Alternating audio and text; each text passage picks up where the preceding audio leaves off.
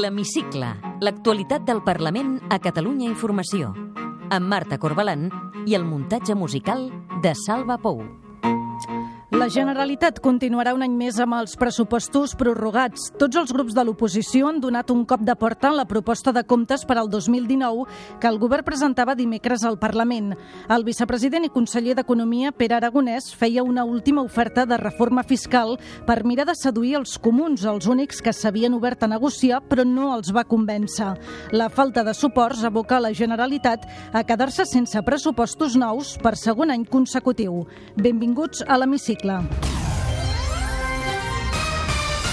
L'Hemicicle, l'actualitat del Parlament a Catalunya Informació.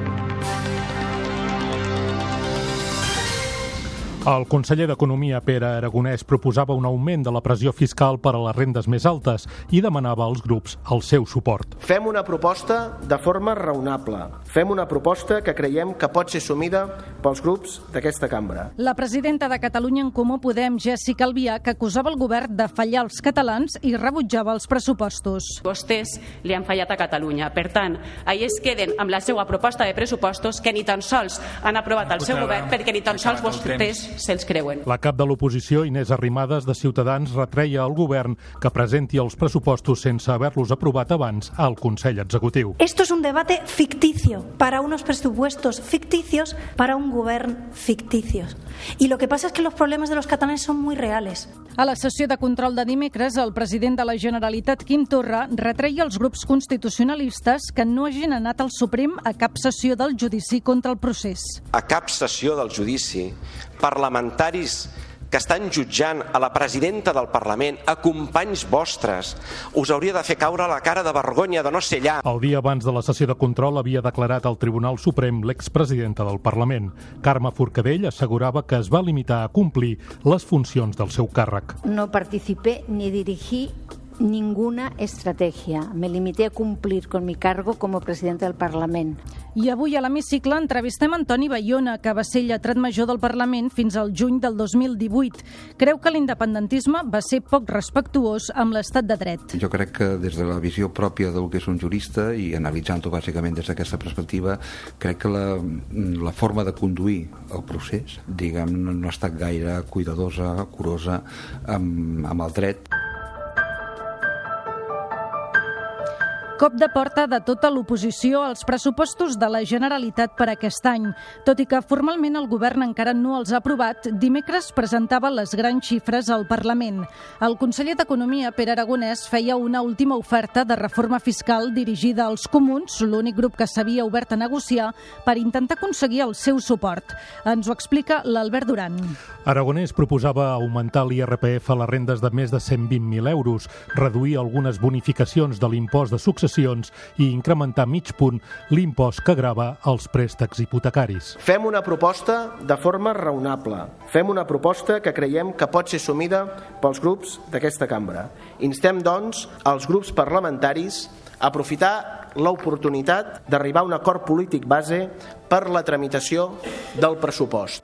Des dels comuns, Jessica Albiach rebutjava la proposta. Nosaltres no demanàvem la lluna, defensàvem i defensem un país en comú i vostès li han fallat a Catalunya. Per tant, ahir es queden amb la seva proposta de pressupostos que ni tan sols han aprovat el seu govern perquè ni tan sols vostès se'ls creuen. El president Quim Torra donava per perduda la batalla dels pressupostos. Lamento que la jugada curta, que les prevencions electorals no ens permetin poder-los presentar tal i com hauria estat el nostre interès. Sí, Catalunya es mereixia aquests pressupostos. Ara bé, no ens aturarem. Començarem a treballar en la pròrroga pressupostària. Miquel Iceta del PSC demanava al govern que convoqui eleccions. És que no se'ls creuen. Ara, si la raó és que no té majoria en aquesta cambra, la seva obligació és tornar la veu als ciutadans. I no hi ha una altra solució. En un fet insòlid, el govern presentava els pressupostos al Parlament sense haver-los aprovat abans al Consell Executiu. Això va provocar les crítiques de molts grups com Ciutadans i el PP. Sentim Inés Arrimadas i Santi Rodríguez. Esto es un debate ficticio para unos presupuestos ficticios para un govern ficticios. Y lo que pasa es que los problemas de los catalanes son muy reales. De fet, aquests pressupostos són com la república, no existeixen. De fet, els pressupostos de la república, dels que ens ha parlat el president, no existeixen. Despertin. El diputat de la CUP, Vidal Aragonès, creu que els pressupostos del govern no responen als interessos de la majoria dels catalans. Vostè ens contestava fa uns mesos en aquest mateix hemicicle que els pressupostos de l'exercici 2019 respondrien als drets i les necessitats de la majoria. Per desgràcia, no responen a la majoria, sinó que responen simplement als interessos d'una minoria El judici que es fa al Tribunal Suprem contra els líders independentistes va marcar dimecres una part de la sessió de control. El president Quim Torra criticava que els grups constitucionalistes no hagin anat a cap sessió del judici. De cara a les properes eleccions del 28 d'abril, Torra també fixava les condicions que el bloc independentista posarà sobre la taula per donar suport al nou govern espanyol que surti dels comicis, el reconeixement i l'aplicació del dret d'autodeterminació. Ho va seguir la sessió de control el Jordi Corbalan. Sessió de control. Era l'endemà de la declaració de Carme Forcadell al Suprem. Diputats d'Esquerra i dels Comuns van anar al ple vestits de blanc en suport a la campanya Jo acuso d'Òmnium. El republicà Sergi Sabrià va demanar als grups del Parlament que es conjuressin en la defensa de la sobirania de la cambra. El president Torra, a la resposta, va remetre contra els grups constitucionalistes i es va indignar amb el posat d'Inés Arrimadas mentre lluava la declaració de Jordi Cuixart al Suprem. Li demano que ens conjurem, que ens conjurem tots en situació normal haurien de ser tots els diputats i presidents amb els presidents al capdavant, però que ens conjurem per seguir el camí marcat per la Carme Forcadell, que ens conjurem per defensar aquesta cambra. Els grups que no heu anat a cap sessió del judici, parlamentaris que estan jutjant a la presidenta del Parlament, a companys vostres, us hauria de fer caure la cara de vergonya de no ser allà. Sí, senyora Arrimadas, un al·legat històric sobre la desobediència civil i sobre la no violència. I no s'enrigui més, no s'enrigui més del Jordi Cuixart. No té dret a riure's del Jordi Cuixart. L'apel·lació de Torra, la cap de l'oposició, es va quedar però sense resposta perquè Inés Arrimadas va dedicar una de les seves últimes interpel·lacions al president al conflicte dels BTCs. Era la primera sessió de control des de la convocatòria de les eleccions espanyoles i la líder parlamentària dels comuns, Jessica Albiach, va interpel·lar el president sobre el suport al futur govern que surti de les urnes el 28 d'abril. Torra li va contestar que no es mouran del dret d'autodeterminació. En un escenari d'aliances imprescindibles o participem d'un front democràtic a Catalunya, però també, insisteixo, també a Espanya i així vostès són necessaris per arrossegar també al Partit Socialista o tornarem a temps foscos que no volem veure ni en pintura amb un retrocés encara més greu de drets nacionals, polítics, civils i per les dones. Entre el tripartit de la dreta o el Partit Socialista, que en lloc de mirar el segle XXI, mira el segle passat, mira els Felipe González, els Alfonso Guerra els Josep Guerra, nosaltres triem independència. És que triem independència, per tant, no ens faci ara eh, dir on ens situarem. Nosaltres anirem al Congrés espanyol a defensar el que sempre hem defensat, els 21 punts de Pedralbes. Després que els independentistes van impedir al Congrés la tramitació dels pressupostos espanyols, Miquel Iceta va convidar el president a convocar eleccions o a sotmetre's a una qüestió de confiança per no haver estat capaç de portar els pressupostos catalans al Parlament. Torra va replicar Iceta, reptant-lo a liderar una moció de censura en contra d'ell. No és cert que no es puguin presentar els pressupostos si no hi ha garanties que siguin aprovats. Expliqui-li al president Pedro Sánchez. És clar, si els pressupostos són rebutjats, o cal convocar eleccions, com va fer el president Sánchez, o cal fer presentar una qüestió de confiança, com va fer el president Puigdemont. Nosaltres no farem un Pedro Sánchez de presentar un projecte de pressupostos sense haver-lo parlat amb ningú. Si vostès creuen que aquest govern no governa i no estem fent la feina, amb els seus socis del 155, presentis vostè com a candidat al president de la Generalitat. Després d'abandonar el grup dels comuns, Elisenda Alemany va seguir la sessió de control des del seu nou escó com a diputada no adscrita a l'última filera de l'hemicicle, compartint bancada amb Esquerra i la CUP. Al Parlament hi han passat altres coses aquesta setmana que repassem en format més breu. Amb l'oposició de Ciutadans i el PP, la cambra ha validat el polèmic decret llei que regula el servei de les empreses BTC. El conseller de Territori, Damià Calvet, discrepa del dictamen del Consell de Garanties Estatutàries i negra que el decret vulneri el dret a la llibertat d'empresa. El Parlament tramitarà una llei per reduir el malbaratament del menjar. La proposta, presentada pel PSC Units per Avançar, superava el primer debat sense cap vot en contra. El Parlament ha tombat la proposta de Ciutadans i dels Comuns per crear una comissió d'investigació sobre l'adjudicació d'Aigües Ter Llobregat. La iniciativa no tirava endavant pels vots en contra de Junts per Catalunya, Esquerra i el PSC.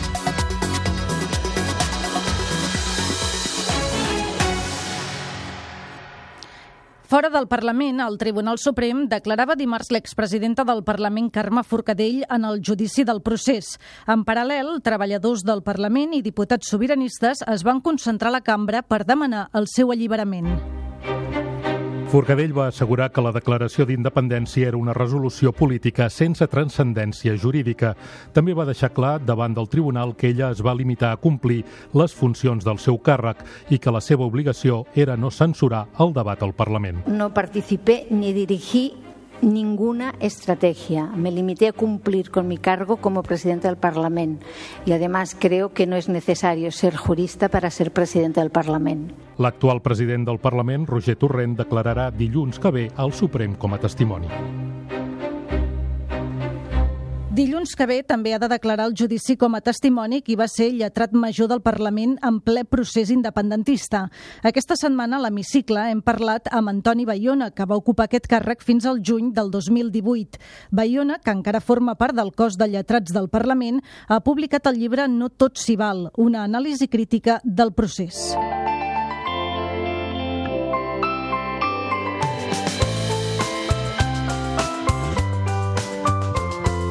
Com a exlletrat major del Parlament i ara com a lletrat de la cambra, vostè ha viscut i encara viu des de dins les entranyes jurídiques del procés independentista. Acaba de publicar el llibre No tot s'hi val. Amb aquest títol ve a dir que s'han comès excessos des de l'independentisme?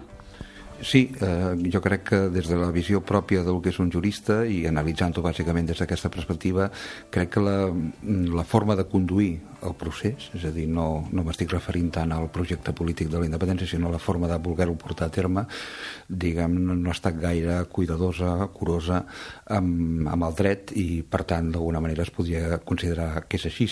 Tanmateix, també és veritat que, i és bo aclarir, que el llibre també posa de relleu com des de l'altra banda, des de la banda de l'Estat, tampoc s'ha sigut i es pot encara arribar a ser pitjor massa curós amb el dret. Vostè diu en el llibre que les presses de l'independentisme han sigut letals. Creu que amb més calma, amb més reflexió, s'hagués pogut intentar aconseguir la independència per una altra via? Bé, jo crec que no és correcte, com molta gent diu, que només hi havia aquesta via. En general, per aconseguir alguna cosa sempre hi ha altres camins. D'entrada, el que és molt important és calibrar la dificultat d'un projecte i, per tant, assolir una independència amb les condicions polítiques, socials, repeteixo, eh, amb un estat com és l'estat espanyol eh, i dintre del marc, diguem-ne, que no hi ha tampoc problemes socials ni conflictes socials importants, és ja extremadament difícil. Per tant, eh, si se'm permet fer un símil, eh, a l'hora que s'emprèn un camí com aquest, diguem no es pot pretendre que sigui una carrera de 100 metres llisos.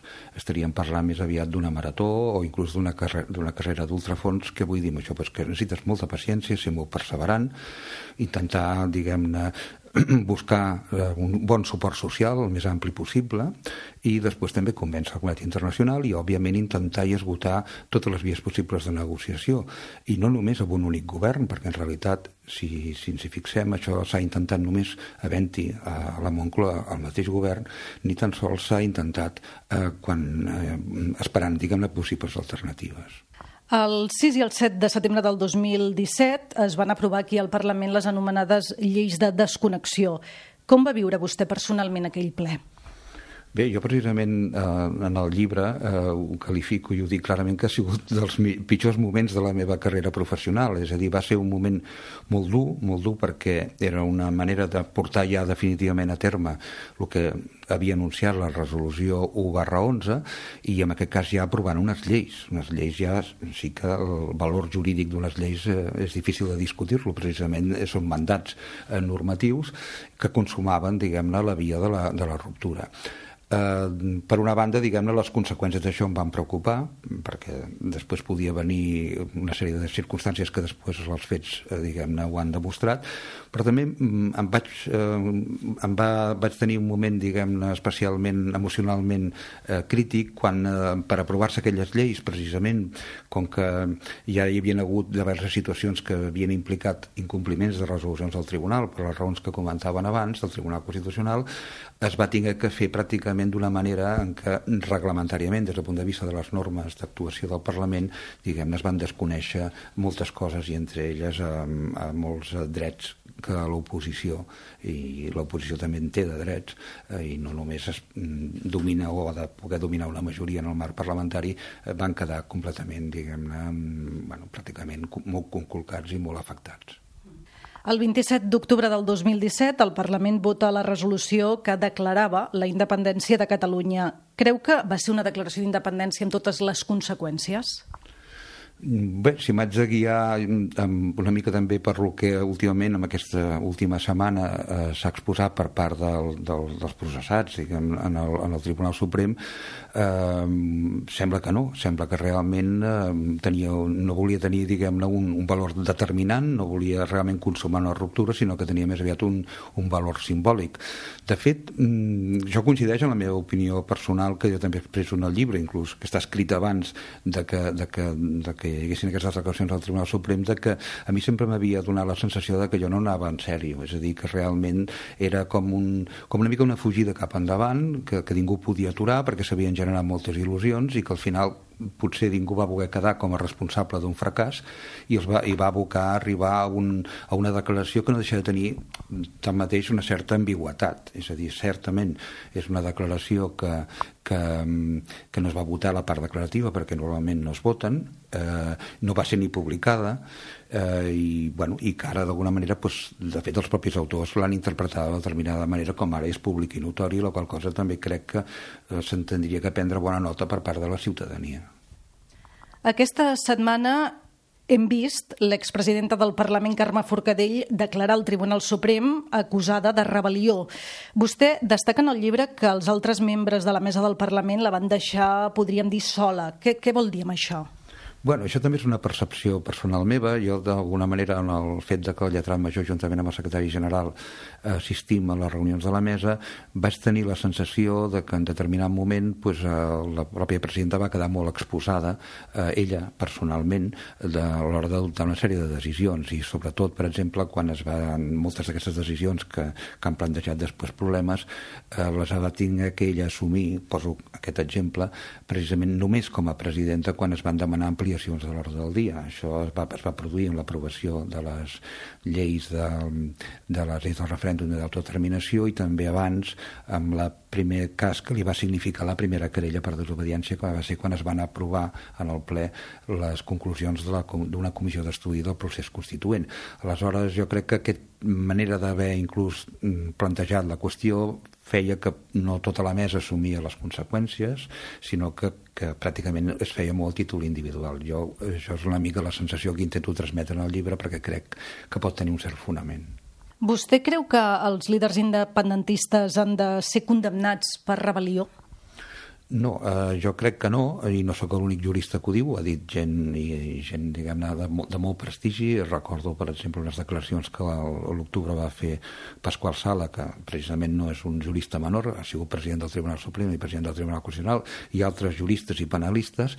Crec realment que, el, i això en el llibre ho intento explicar, que tenint en compte almenys el relat que fa l'auto de processament, és molt dubtós que realment eh, es pugui considerar que s'han produït uns fets, perquè en realitat el dret penal requereix que, que es produeixin uns fets que puguin ser qualificats dintre d'una acusació tan greu com de rebel·lió, eh, tenint en compte que el dret penal és un dret d'excepció, és un dret que implica o que necessita, diguem-ne, eh, que hi hagi el que se'n diu una relació de tipicitat, és a dir, que els fets encaixin exactament amb el que diu la norma i crec que inclús en, la, en aquesta primera setmana de judici ja s'està posant de relleu que, que, que aquesta acusació eh, és feble.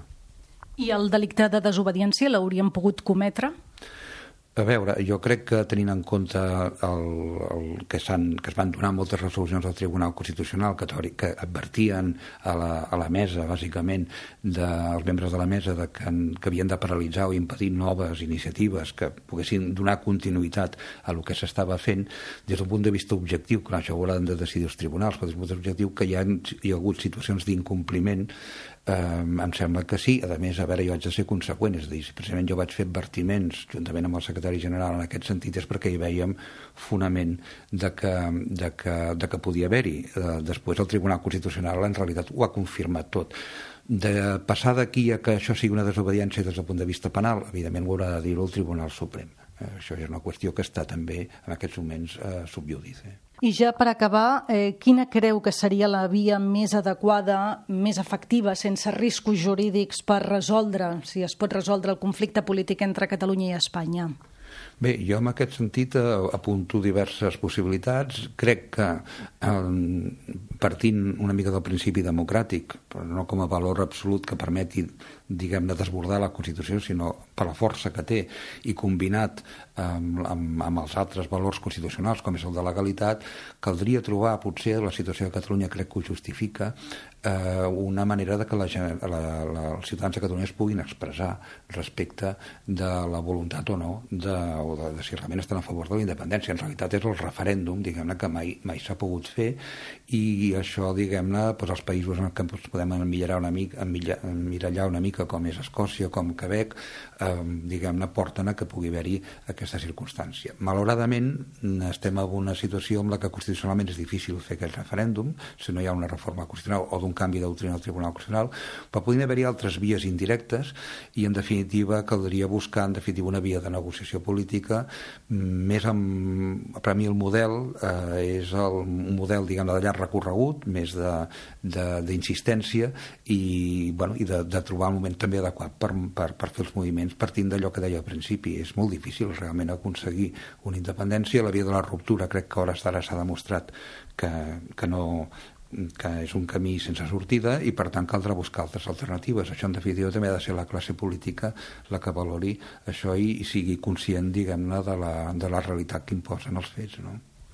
Senyor Bayona, moltes gràcies per atendre'ns. De res, a vostès. Moltes gràcies.